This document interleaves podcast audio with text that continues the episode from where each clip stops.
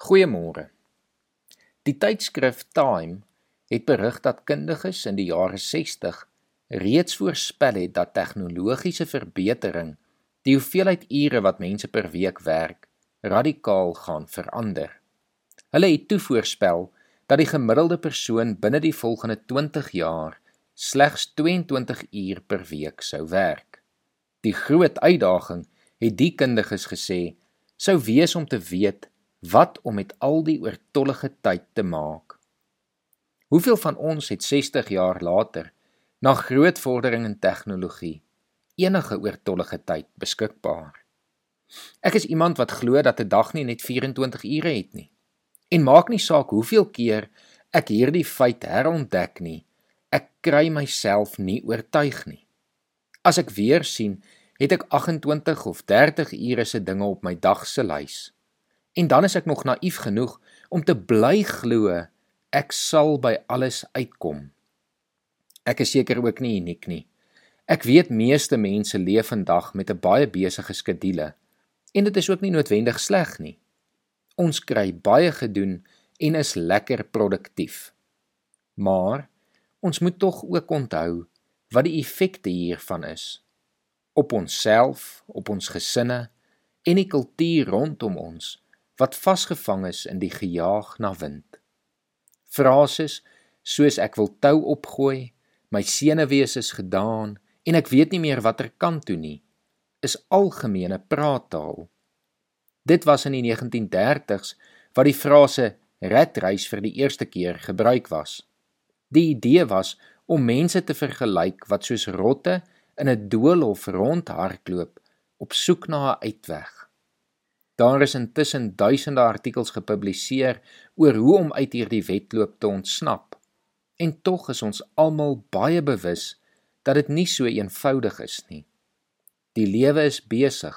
Ons programme is vol. Ons wil baie dinge doen en ons wil baie dinge bereik. Wat dikwels goed is.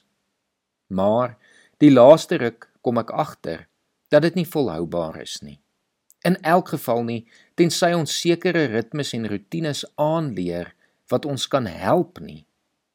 Die Bybel help ons van antieke tye af al met ritmes om ten spyte van 'n besige lewe weer te kan herlaai en nuwe krag te kan kry om fisies, emosioneel en geestelik tot rus te kan kom. Ritmes soos om een dag 'n week te rus 3 keer 'n dag te bid. Al is dit net 'n minuut om in daardie tyd asem te haal en jouself weer te heroriënteer. Om te probeer om genoeg te slaap. Ek staan soms verstom oor hoe baie die Bybel oor slaap praat, net om dan weer te besef dit is een van God se geskenke aan die mens om ook deur slaap te kan rus en te kan herstel. Ons kan dus baie hard werk en baie besig wees maar ons moet ook onthou ons het tye van rus nodig. In Markus 6 vers 31 lees ons hoe Jesus na die disippels vir 'n lang tyd baie hard gewerk het. Hulle uitnooi met die woorde: Kom julle alleen saam na 'n stil plek toe en rus 'n bietjie. Jesus het baie goed geweet ons is nie masjiene wat maar net kan aangaan en aangaan sonder om te rus nie. En daarom het hy dit ook vir die disippels gegee. Daarom gun hy dit ook vir ons vandag. Mag jy vanoggend by die Here rus. Word stil. Haal 'n paar keer lekker diep asem. Bid rustig tot die Here en kry vanoggend weer nuwe krag by hom. Probeer om rondom middagete weer dan net 'n oomblik stil te word. Asemhaal en te bid. 'n een Eenvoudige gewoonte, maar 'n baie belangrike ritme dat ons volhoubaar met energie en krag die lewe kan aanpak. Kom ons bid saam.